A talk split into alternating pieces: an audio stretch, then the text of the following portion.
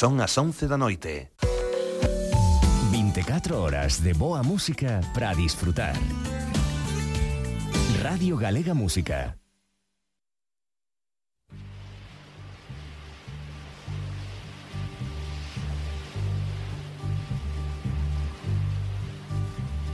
Sitting in the morning sun I'll be sitting when the evening comes watching the ships roll in. And then I watch them roll away again. Yeah. Permítanme que primeiro de todo lles faga unha pregunta. Sabían vostedes que os famosos asubíos de Sitting on the Dock of the Bay de Otis Redding tiñan carácter provisional? Xa saben, esas notas asubiadas que se escoitan xusto ao final da canción. Sabían que eses asubíos tan melancólicos e case relaxantes nunca foron pensados para formar parte dese tema? Que estaban aí de forma transitoria, de forma pasaxeira, para ser substituídos despois por palabras? Sitting on the Dock of the Bay é, sen dúbida, un dos himnos máis aplaudidos da historia do rhythm and blues. E os asubíos que se escoitan ao final conforman unha melodía especialmente recoñecible. Mesmo poida que se trate da parte máis famosa da canción. Témolos escoitado en sintonías publicitarias, en películas, en series, en versións de outros artistas. Ainda me lembro dun anuncio, alá a comezos dos anos 90, no que se escoitaban estes asubíos de fondo mentras se anunciaba unha coñecida marca de Xenebra. Pero entón, se estes asubíos tiñan carácter provisional, que pasou? Por que quedaron para sempre na canción? Por que chegaron ata os nosos días sen ser modificados? Seían estar aí soamente un tempo, ata ser trocados por palabras. Pois ben, resulta que o 7 de decembro de 1967, Otis Redding atopábase grabando Sitting on the Dock of the Bay nos estudios de Stax Records en Memphis, xunto co seu produtor, Steve Cropper, e ao chegar á última parte do tema, esqueceuse dos versos que quería cantar. Estaba fronte ao micro e non se lembraba das frases que preparara para ser cantadas nesa parte final da canción. E entón que fixo? Como pensaba que se volvía a casa a escribir eses versos e regresaba de ali a uns días ao estudio para cantalos, íase esquecer tamén da melodía que quería cantar, decidiu que polo menos, aínda que nese momento non se lembrase das frases, o que ia facer era deixar grabada ali mesmo a melodía con asubíos, para así non esquecela. Gravaría uns asubíos coa melodía da canción e cando volvese ao estudio uns días máis tarde, xa coas frases escritas nun papel, substituiría eses asubíos polas palabras que ia traer escritas. E ninguén sabería nunca do truco dos asubíos. A idea non era mala. Asubiar unha melodía nunha grabación é un bo xeito de deixala grabada para non esquecela e así poder substituíla máis adiante por algún instrumento ou por palabras cantadas. O que pasou foi que a Otis Redding non lle ia dar tempo a substituir eses asubíos. Xa nunca tería a oportunidade de volver ao estudio a cambiar esa melodía. Por desgraza, Tres días máis tarde de ter grabados aqueles asubíos, o 10 de decembro de 1967, o cantante faleceu nun terrible accidente de avioneta no lago Monona, en Wisconsin. Morreron el e máis os músicos da súa banda de apoio, The Bar Case, mentres tentaban aterrar no aeroporto do condado de Dane para actuar na cidade de Madison. Os asubíos de Sitting on the Dock of the Bay xa nunca puideron ser substituídos por aqueles versos que Redding quería cantar – Nunca saberemos que frases quería engadir no final da canción. Nunca saberemos que nos quería cantar. E por iso a canción quedou así, para sempre, sen rematar. E por iso hoxe en día son eses asubíos os que escoitamos o final do tema e non unha serie de frases cantadas. Porque a Otis Redding, lamentablemente, non lle deu tempo a gravalas. Sen embargo, é curioso, O final, eses asubíos de Sitting on the Dock of the Bay remataron converténdose, quizáis, na parte máis recoñecible da canción, incluso máis que a estrofa ou a famosa liña de baixo. Eses asubíos pasaron a ser unha das melodías máis célebres da historia da música. Tiñan carácter provisional, pero quedaron aí para a eternidade. Ás veces, o azar ten estas cousas.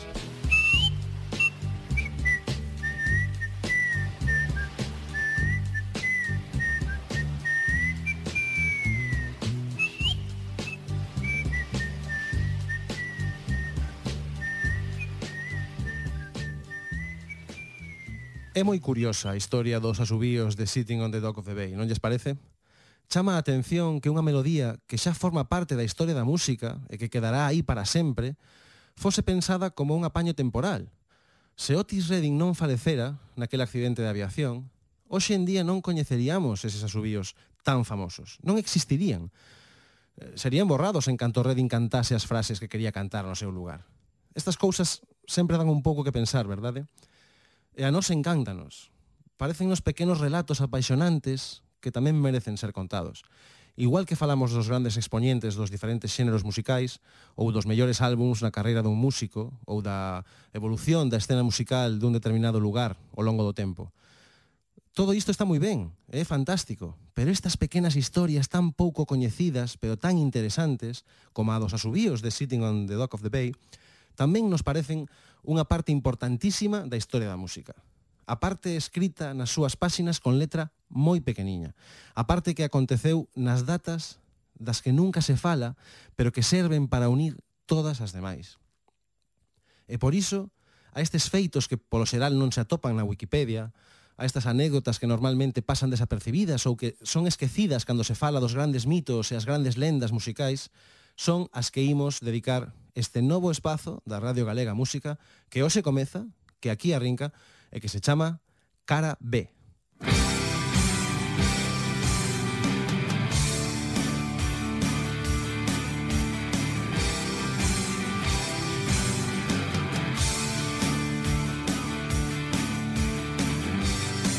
E se falar de episodios descoñecidos da historia da música, resulta case obrigado dedicar este primeiro capítulo do programa ao grupo que prácticamente máis literatura xerou con cada un dos pasos que deu na súa curta pero prolífica carreira. A un grupo que precisamente encheu a súa propia historia de grandes episodios, de momentos fundamentais que foron decisivos para a propia evolución do rock e do pop, un grupo que encheu portadas e artigos e ensaios e novelas e mesmo películas pero que tamén foi protagonista de moitísimas desas pequenas anécdotas interesantísimas que tanto nos gustan neste programa e que tanto nos gusta contarles a vostedes. Estamos a falar dos 4 de Liverpool, The Fab Four. Ladies and gentlemen, The Beatles. She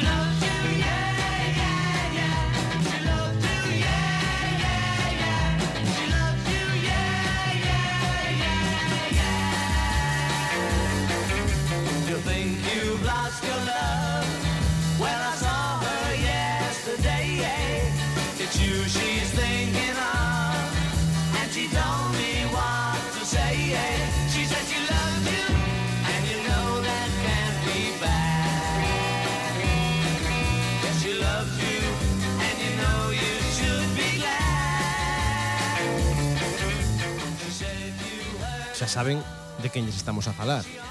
Deses catro rapaces que nos anos 60 enchían estadios enteiros nos que apenas se lles escoitaba a eles en medio dos berros histéricos dos seus fans. Eses que aínda a día de hoxe teñen a maior cantidade de números un nas listas de éxitos británicas.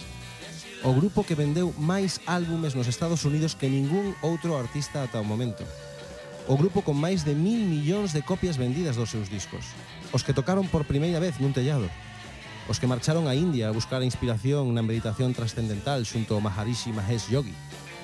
Os que dixeron que eran máis grandes que Jesucristo e tiveron que ver como en Estados Unidos queimábanse nas rúas os seus discos. Os da cuberta cruzando un paso de peóns en fila india. Os do submarino amarelo. Os da Beatlemanía. Se cadra un dos grupos na historia da música que menos precisa de presentación. Pero hoxe, sen embargo, e a pesar de todo isto que estamos a dicir, non imos falar dos 4 de Liverpool. Quero dicir que non imos falar de todos eles. Oxe, a George Harrison e a Ringo Starr vailles tocar descansar. Tranquilos, xa lles adicaremos outro programa calquera, outra semana, non se preocupen. Tamén eles dous foron protagonistas de pequenas historias apaixonantes que merecen ser contadas, por suposto. Pero neste capítulo de hoxe imos falar soamente de dous Beatles e medio. E digo que imos falar de dous Beatles e medio porque imos falar, claro, de John Lennon, imos falar de Paul McCartney e tamén imos falar do produtor do grupo, George Martin. De feito, neste programa de hoxe, o peso principal da historia que lles imos contar recae en George Martin. El foi quen fixo posible que a maravilla da que hoxe lles falaremos ocorrese tal e como ocorreu.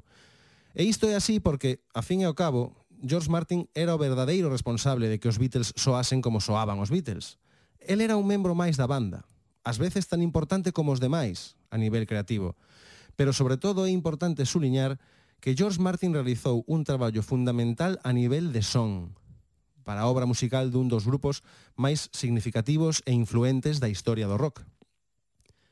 E por que quero recalcar o traballo de George Martin en canto ao son dos Beatles? Por que digo que era responsable de que eses catro músicos soasen como soaban? Ben, Quizáis sería mellor explicar primeiro cal é a labor dun produtor no mundo da grabación de discos.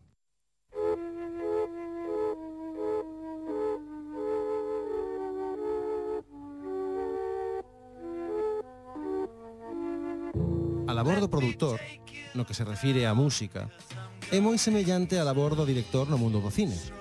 Imaginemos que os músicos máis ou menos son os guionistas. Xa sei que isto non é exactamente así, non mo teñades moi en conta, pero é para que nos fagamos unha idea, máis ou menos.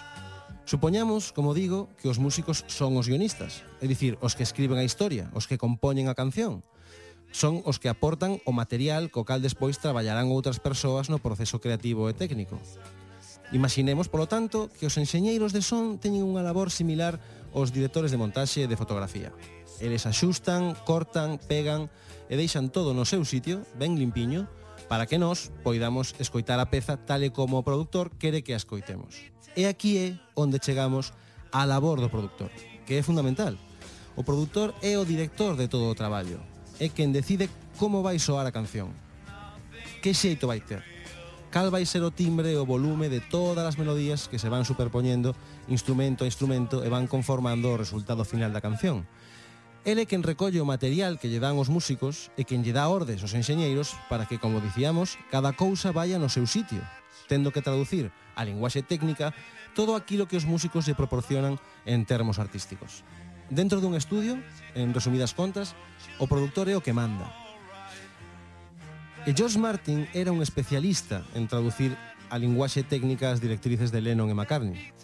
Este último, Paul, que era un músico excepcional e dominaba perfectamente a teoría musical, era un pouco máis concreto nas súas especificacións. Pero John falábale a George Martin en termos de sensacións. As súas indicacións eran absolutamente abstractas. Hai un par de anécdotas moi boas sobre isto, veredes. En certa ocasión, Lennon chegou ao estudio e presentoulle a George Martin unha canción que escribira para os Beatles, dándolle unha curiosa indicación – Dícholle que el quería que aquel tema soase, atención, como a unha laranxa. Como unha laranxa. O que escoitades. Xa hai que ter as ideas claras, como produtor digo, para satisfacer tal petición. Diz que outra vez Lennon pediulle que unha canción nova que tiña soase como o Dalai Lama cantando dende o alto dunha montaña. Ben, tamén hai outras versións que din que en realidade lle pediu que soase como a cen monxes tibetanos cantando. Se esa dun xeito ou doutro pedirlle, pedirlle unha cousa ou outra, o certo é que George Martin atendeu a súa solicitude con asombrosa eficiencia. Tanto é así que un pode imaginar sen problemas que esa canción provén directamente dende o alto dos Himalayas. Estamos a falar, como non, da estupenda Tomorrow Never Knows, o último corte do disco Revolver. Escoitámola. Escoitámola.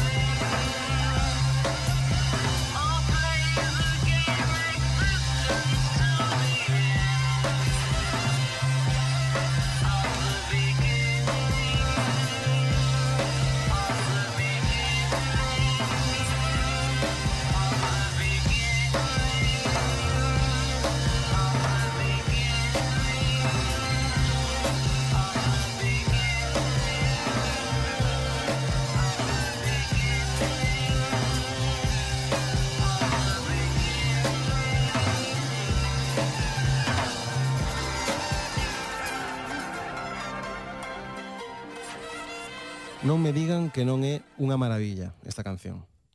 Quería que a escoitasen prácticamente enteira, porque é un exemplo perfecto do que George Martin era capaz de facer como produtor a partir dunha idea tan imprecisa como querer que a canción soase como un monxe tibetano dende o alto dunha montaña. Por iso George Martin, o paradigma de cabaleiro británico moi serio e moi reflexivo, un tipo do máis formal que tanto difería en conducta e en estética de Paul, John, George e Ringo, era realmente o auténtico quinto Beatle. Se houbo algunha vez un quinto Beatle, ese foi George Martin. Tan decisivo na música do grupo, e concretamente no seu son, como a calquera dos outros catro membros. E igual que eles, era un verdadeiro xenio. Un músico como poucos, capaz de converter en música as ideas máis indefinidas a nivel creativo, que como estamos a ver, adoitaban sair da cabeza de John. E isto resulta especialmente relevante para o programa de hoxe. Ese é o motivo polo que quería incidir primeiro no talento de George Martin como produtor e no que era capaz de facer a partir de moi pouco. Porque hoxe imos comprobar como foi capaz de converter dúas cancións illadas, distintas, que nada tiñan que ver entre sí, nunha soa canción que pasou a historia. O que imos contar hoxe é algo do que non se fala moito cando se conta a historia do álbum Sgt. Pepper's Lonely Hearts Club Band e da súa última canción, A Day in the Life imos ver como a intervención do produtor foi clave na ensamblaxe desta canción, que, como digo, en realidade eran dúas. Hoxe descubriremos a historia da cacofonía máis complexa e ao mesmo tempo máis precisa que se recorda na historia do rock and roll. Unha cacofonía desconcertante coa que George Martin conseguiu unir nun exemplo de xenialidade musical unha canción de Lennon e unha canción de McCartney para que parecesen unha soa canción. E dito así pode parecer pouca cousa, unir dúas cancións tampouco é para tanto, pensará algún. Dentro dun anaco imos ver que o resultado foi tan prodixioso que quizáis se trate da maior canción da historia dos Beatles. Polo menos para min o é. Pero imos por partes, non nos adiantemos. Comecemos polo principio.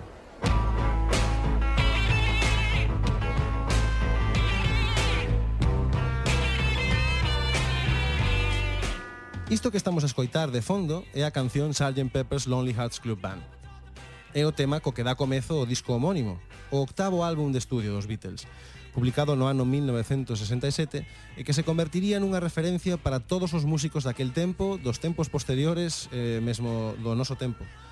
Non falamos dunha obra precisamente insignificante. Cando se publicou, o prestixioso crítico de The Times, Kenneth Peacock Tynan, escribiu É un momento decisivo na historia da civilización occidental. O mellor, o crítico exaxerou un pouquiño, de acordo. Pero de todos os xeitos, pouca broma co Sgt. Peppers. Tede en conta que en 1974 a revista NME o elixiría como o mellor álbum da historia, e por se fose pouca insistencia no asunto, no ano 2003 a revista Rolling Stone outorgaríalle exactamente o mesmo título. É dicir, xa non é unha cousa dos anos 60 que despois foi pasando de moda. Aínda hoxe, 52 anos despois da súa publicación, a nota que se lle concede ao álbum na que pode que sexa a publicación de referencia sobre música pop e rock alternativo, a revista Pitchfork, é exactamente un 10. Ou seja, pasou medio século e o Sgt. Peppers segue a recibir un 10 de nota, sen peros, sen reservas. O disco foi número 1 27 semanas no Reino Unido e outras 15 en Estados Unidos. Ou seja, 27 semanas, é, é, é case medio ano estando no número 1. Medio ano no número 1 das listas de ventas, non é pouca cousa. Vendeu máis de 32 millóns de copias. É tal a súa importancia que o seu audio, debido ao seu valor cultural e histórico, atópase arquivado hoxe no Registro Nacional da Grabación, na Biblioteca do Congreso dos Estados Unidos. Xa pode estar orgulloso o señor Paul McCartney. E digo que xa pode estar orgulloso McCartney, é dicir, individualizo o asunto en Paul, porque o Sgt. Peppers non se pode considerar un álbum de Lennon, O selo de Paul está moito máis presente, tanto na liña creativa como no aspecto estético e conceptual o ton do álbum, o estilo das cancións, das súas melodías e armonías, a propia portada, cos Beatles vestidos con eses traxes militares psicodélicos e todas esas celebridades ao seu redor, todo ten moito máis que ver con Paul McCartney que con John Lennon. Esa era a época na que o grupo decidira deixar de facer xiras, o que por primeira vez permitíalles gravar cancións durante todo o tempo que quixeran, aproveitando calquera recurso posible sen ter que pensar na súa interpretación en directo, e a Paul ocorreuselle a idea de que unha banda ficticia publicase o seguinte disco dos Beatles. É dicir, que non o publicasen os Beatles, senón unha especie de alter ego deles mesmos. Esa banda estaría integrada polos Beatles, pero non serían os Beatles. O, seu, o seu son sería distinto. Mm, seguramente distinto a todo o anterior que se fixo.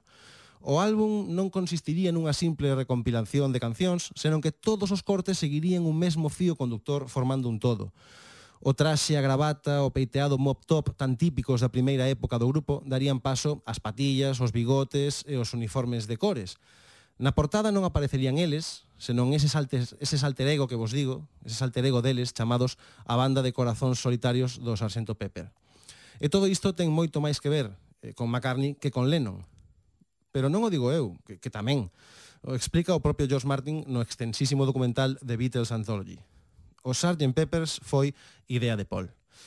Pero non se trata só do concepto e dos aspectos estéticos do álbum. McCartney era o autor de máis da metade das cancións do disco, incluindo a propia Sgt. Pepper's Lonely Hearts Club Band.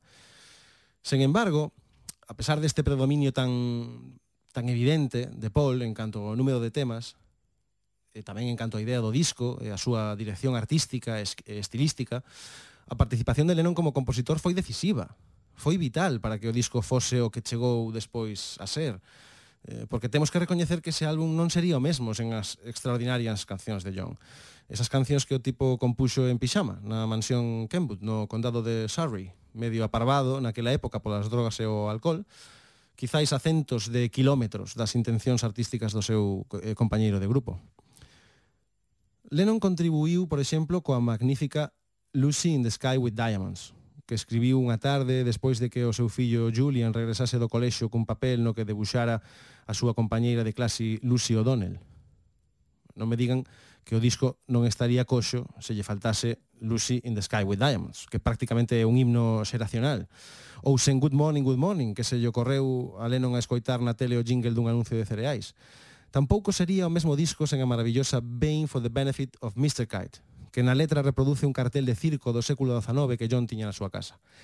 Pero sobre todo, sobre todo o demais, e aquí é onde eu quería chegar hoxe, o Sgt. Peppers non sería o álbum que se non fose pola cuarta e última das contribucións de John Lennon ao disco a que posiblemente sexa, como xa dixen antes, a mellor canción de The Beatles, en opinión de quen lles fala, é unha das pezas fundamentais da historia da música pop. A canción que existe porque o xenial George Martin, mediante unha ponte instrumental, uniu dous temas distintos, un de Lennon e un de McCartney. Unha canción que, de non ser polo produtor da banda, hoxe non existiría, nin a coñeceríamos. Quedaríamonos en escoitar unha das xoias da música rock. É dicir, trátase un pouco do que acontecía cos asubíos de Sitting on the Dock of the Bay dos que antes falábamos. E a canción a que nos estamos a referir é a maravillosa A Day in the Life.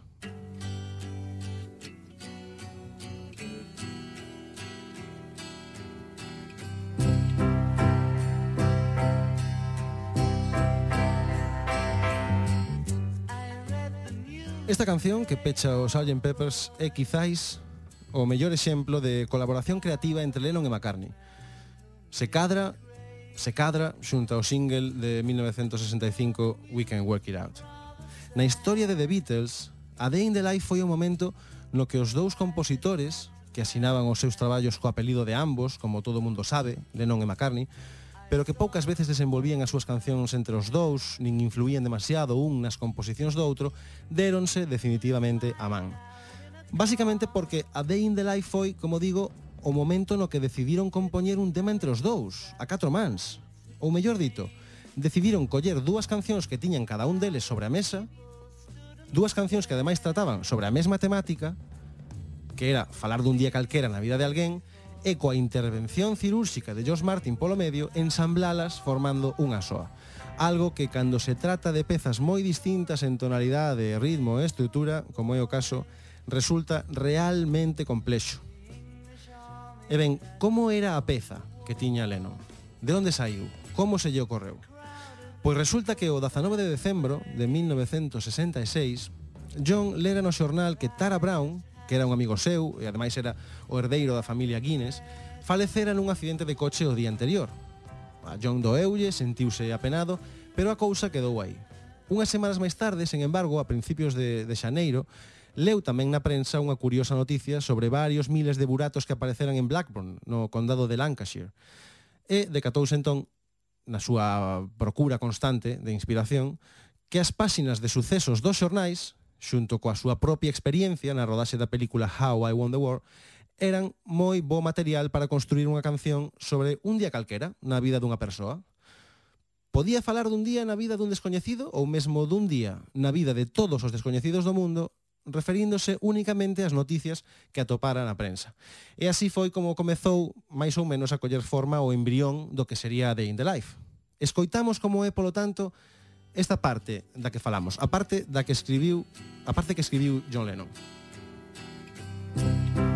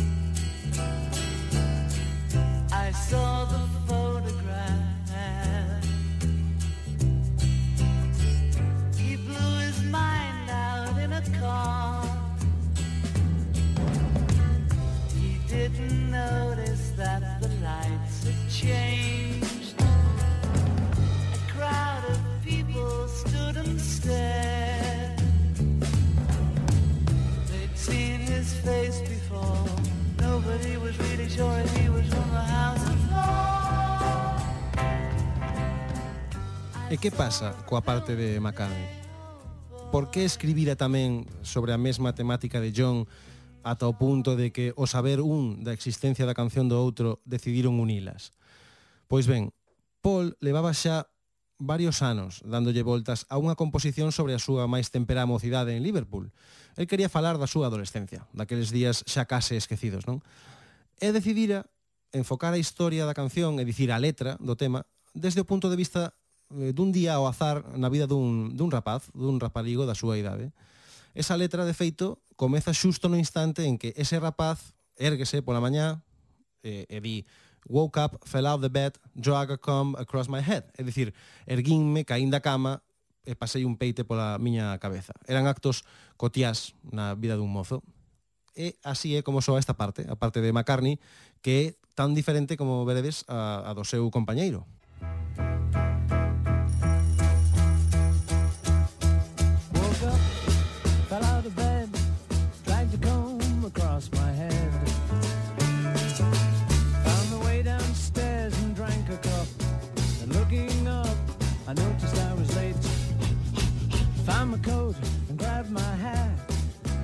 bus and seconds fly.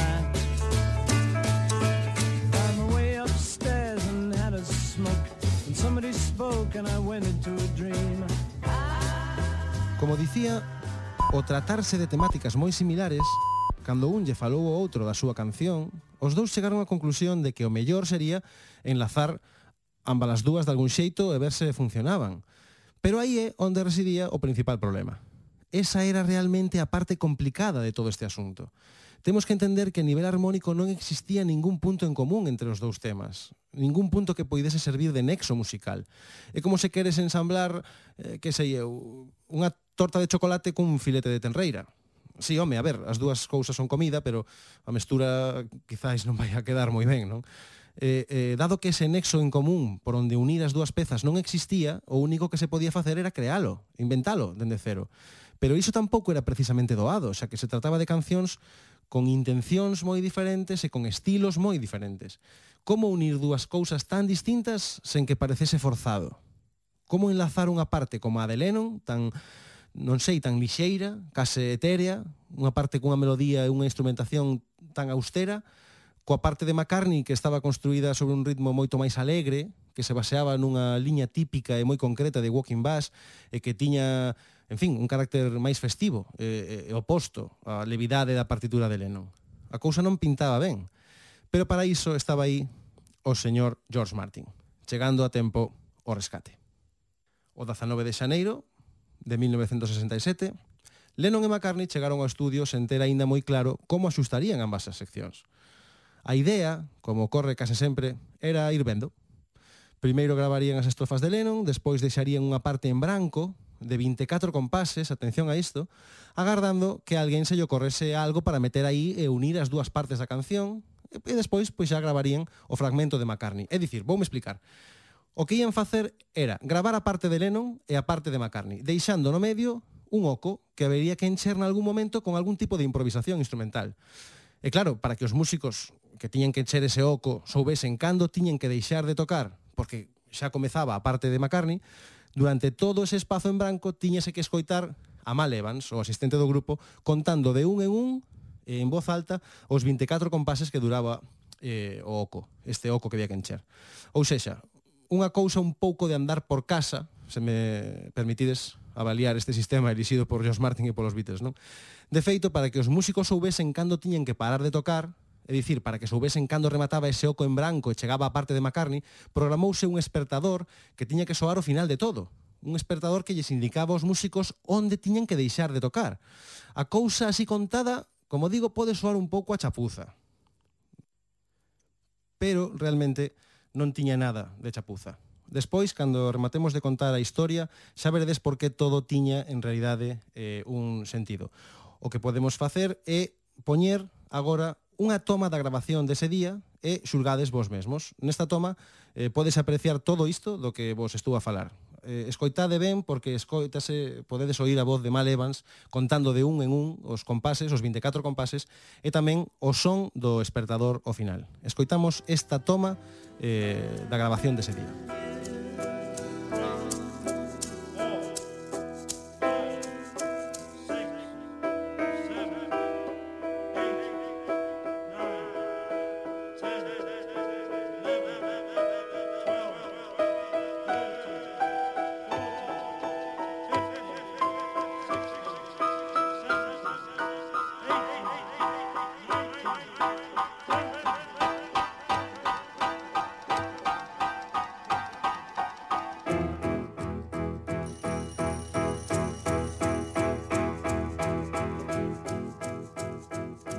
Moi ben, xa temos o Oco en Branco, coa voz de Malevans, contando 24 compases e as dúas partes grabadas a cada lado dese oco.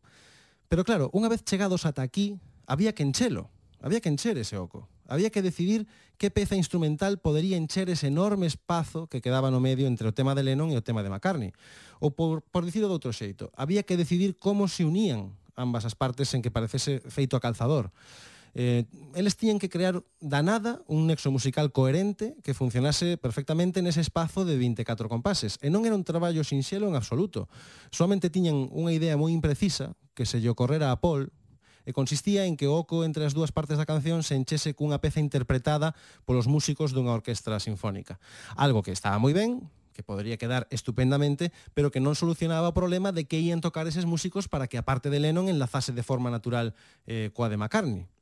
E aí foi cando George Martin tomou o timón da sesión de grabación como lle correspondía. O día 10 de febreiro dese ano, 1967, foron convocados no estudio nin máis nin menos que 40 músicos dunha orquestra sinfónica para que se puxesen as ordes do señor George Martin. Isto, como se pode supoñer, era algo totalmente infrecuente. Non? A participación de tal cantidade de músicos nunha canción dun grupo de rock na grabación dunha canción dun grupo de rock non era algo que adoitase suceder moitas veces. De feito, foron 40 músicos, eh, non foron máis os que foron tocar aquel día, os que foron gravar, porque literalmente non cabía máis xente na cabina de grabación. A cousa era tan extraordinaria que ao, ao acontecemento acudiron algúns convidados moi afamados, como Mick Jagger, Marian Faithfull, Keith Richards, Donovan ou Michael Nesmith. Como digo, non era en absoluto normal naquela época realizar un gasto semellante para apenas uns segundos de canción. E no ambiente flotaba todo o rato a sensación de que aquela tarde nos estudios EMI, que, que por certo foron coñecidos a partir de 1970 como estudios Abbey Road, ia acontecer algo emocionante. Pero a cousa non remataba aí, no número de músicos. Para lograr unha atmósfera realmente vanguardista, unha atmósfera vanguardista aínda máis pronunciada, o grupo pedíralles aos músicos da orquestra que ese día acudisen vestidos de etiqueta. En canto chegaron, foronlles proporcionadas narices de payaso, perrucas, lentes, bigotes falsos, en fin, eh, imaginadevos a escena, non? Un montón de intérpretes de música clásica coa seriedade que normalmente os caracteriza nos seus concertos, eh, disfrazados todos eles como se estivesen nun circo ou no entroido, non? Era algo realmente digno de ver.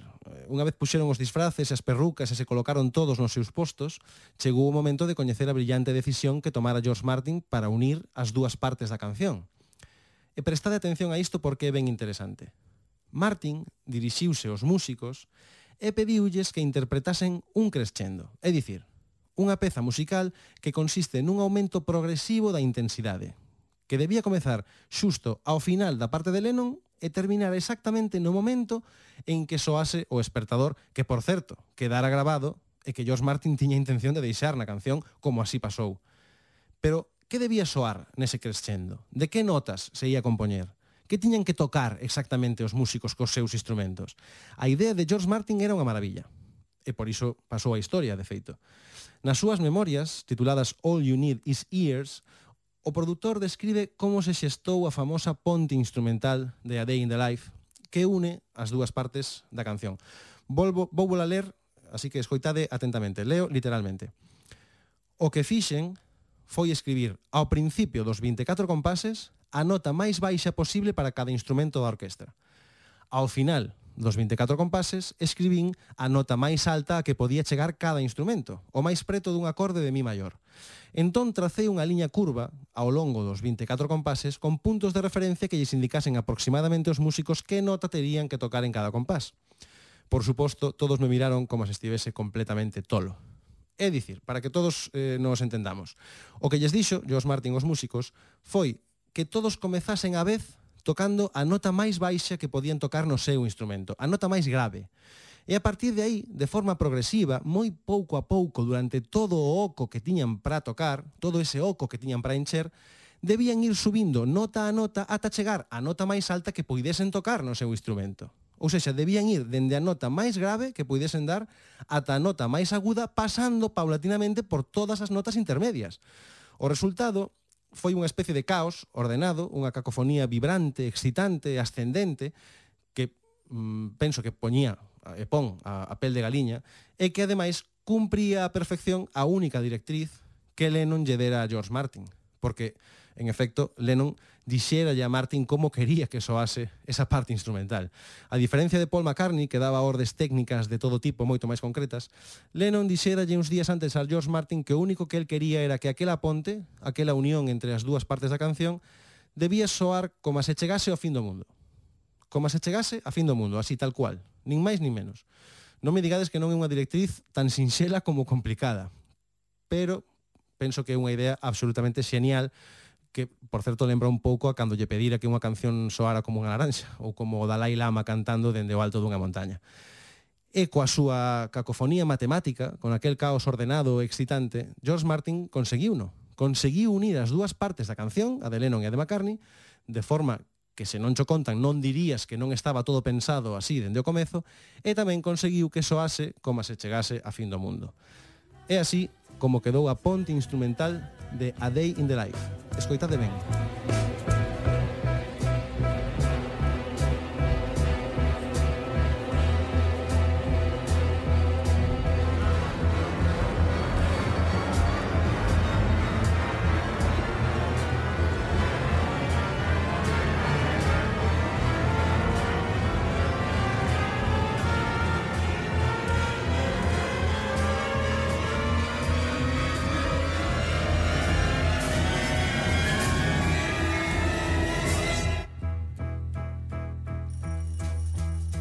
resultado é magnífico.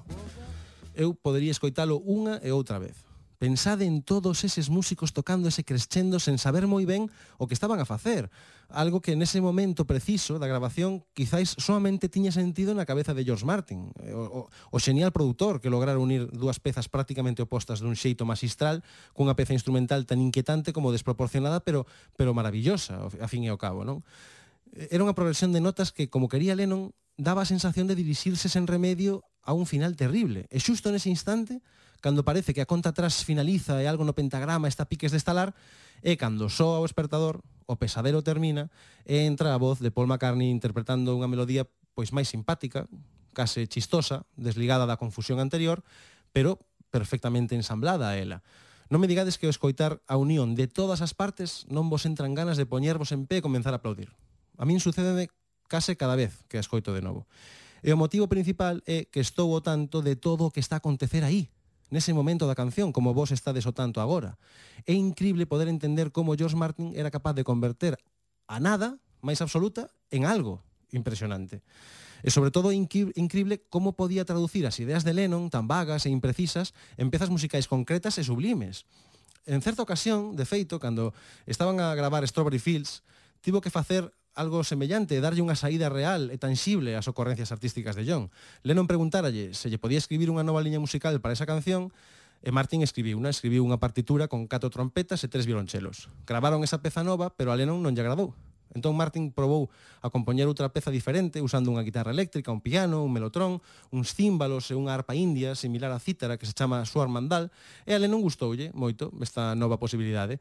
Pero ao escoitala, manifestou o seu desexo de que ambas liñas musicais, as dúas, soasen xuntas, a primeira e a segunda, de forma superposta. Cando Martin lle explicou que eran tonalidades e ritmos diferentes, John contestou, tipo desarranxalo, George, non? O que provocou que Geoff Emerick, o enxeñeiro de son, tivese que cortar, pegar e manipular ambas as cintas durante horas ata conseguir que as dúas pezas se fusionasen. En fin, ao final, a historia das grandes ideas dos Beatles é tamén a historia das grandes ideas de George Martin. El sempre estaba aí para converter en música todo o que Lennon e McCartney imaginaban. Pero, volvendo a Day in the Life, isto era solamente unha anécdota. A cousa non remata aí, no magnífico crescendo que vimos de escoitar. Cando McCartney finaliza a súa parte, reaparece Lennon sobre unha base instrumental de corte claramente alucinóxeno sobre a que improvisou unha melodía dinámica pero imprecisa, formando unha composición na que o músico británico semella sumirse nun, nunha especie de delirio onírico. Non? É unha peza marcadamente psicodélica, que funciona como contrapunto perfecto para a parte anterior de Paul McCartney e que dota a, a Day in the Life dese sabor ecléctico e casi inclasificable. Imos escoitar esta transición, digamos, un tanto alucinóxena de Lennon, coa que o tema regresa á estrofa inicial.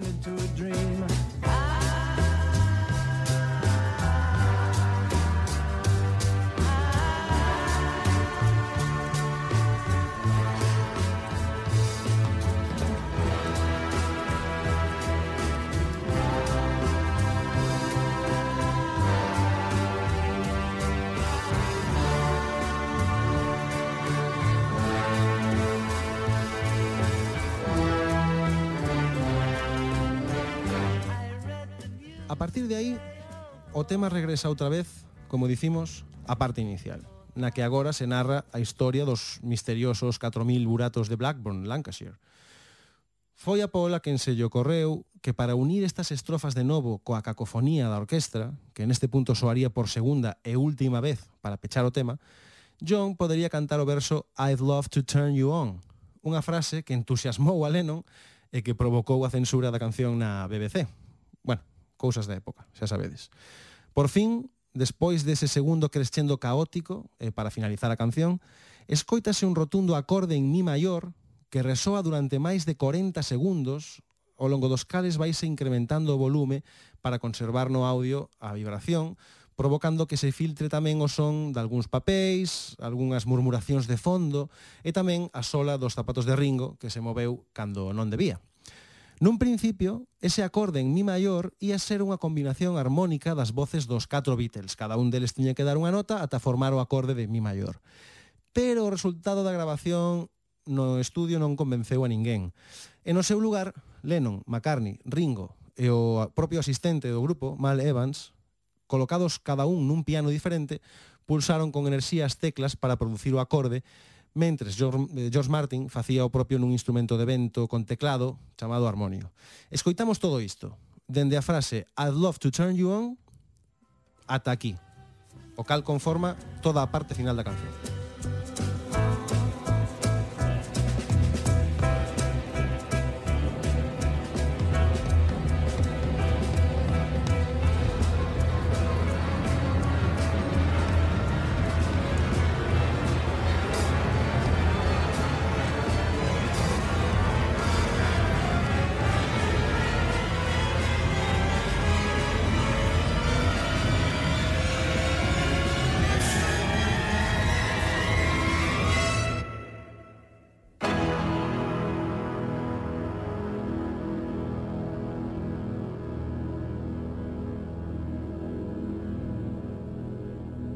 mesmo engadiuse un son en alta frecuencia casi imperceptible polo oído humano que non imos reproducir aquí porque a lenda di que é un son nunha frecuencia tan alta que volve un pouco todos os cans.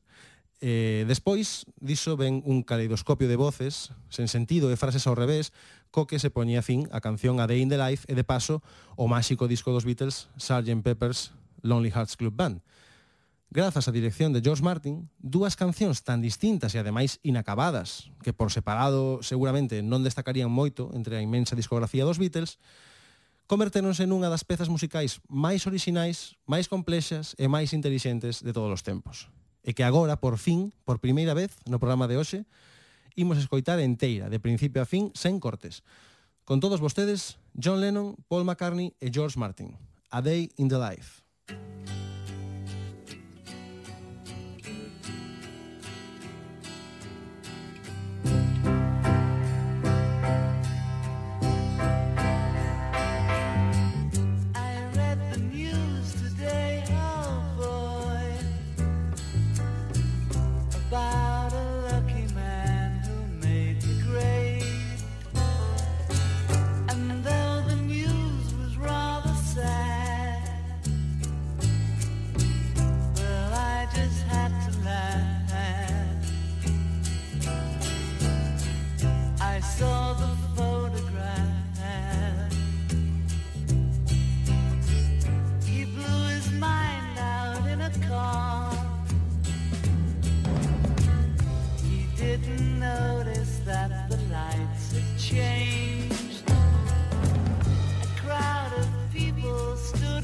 They'd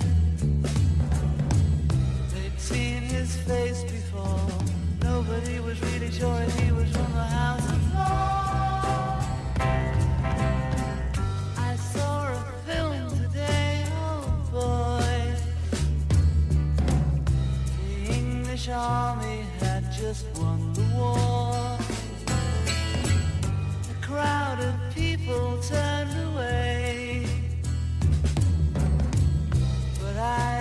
Have to look, having read.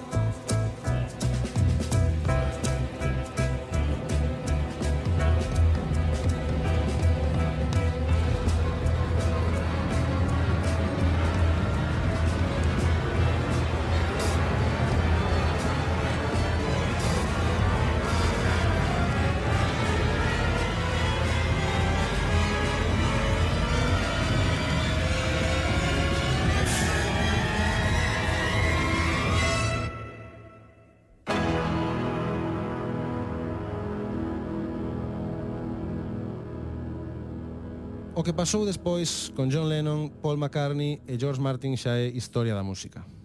Por un lado, o produtor encargaríase da dirección dos seguintes catro discos dos Beatles, incluindo Magical Mystery Tour do mesmo ano 1967, o coñecido como Álbum Branco de 1968, o Yellow Submarine do 69 o Abbey Road tamén do ano 69.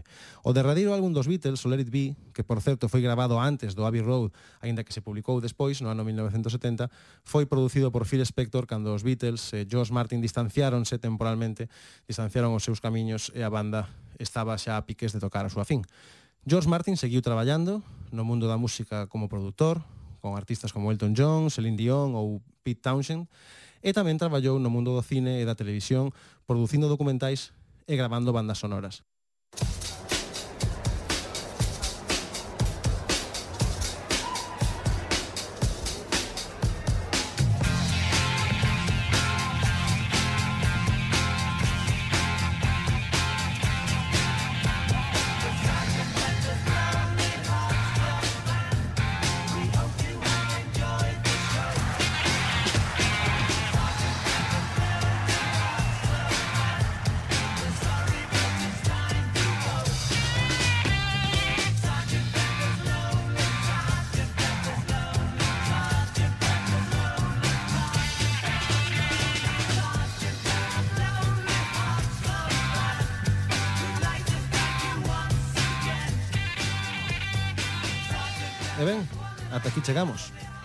Ata aquí esta cara descoñecida dunha das cancións e dun dos produtores máis célebres da historia da música. Esa cara apaixonante que non se adoita a contar. Esa cara oculta e vibrante dos feitos que non sempre sae a luz. A cara máis extraña, pero ás veces máis interesante da historia do rock e o pop. A cara B dos grandes mitos que enchen as páxinas do noso pasado e o noso presente musical. Espero que a desfrutasen tanto como a nós e que a vindeira semana Regresen connosco a este outro lado descoñecido da música. Agardamos por todos vostedes na nosa cara B.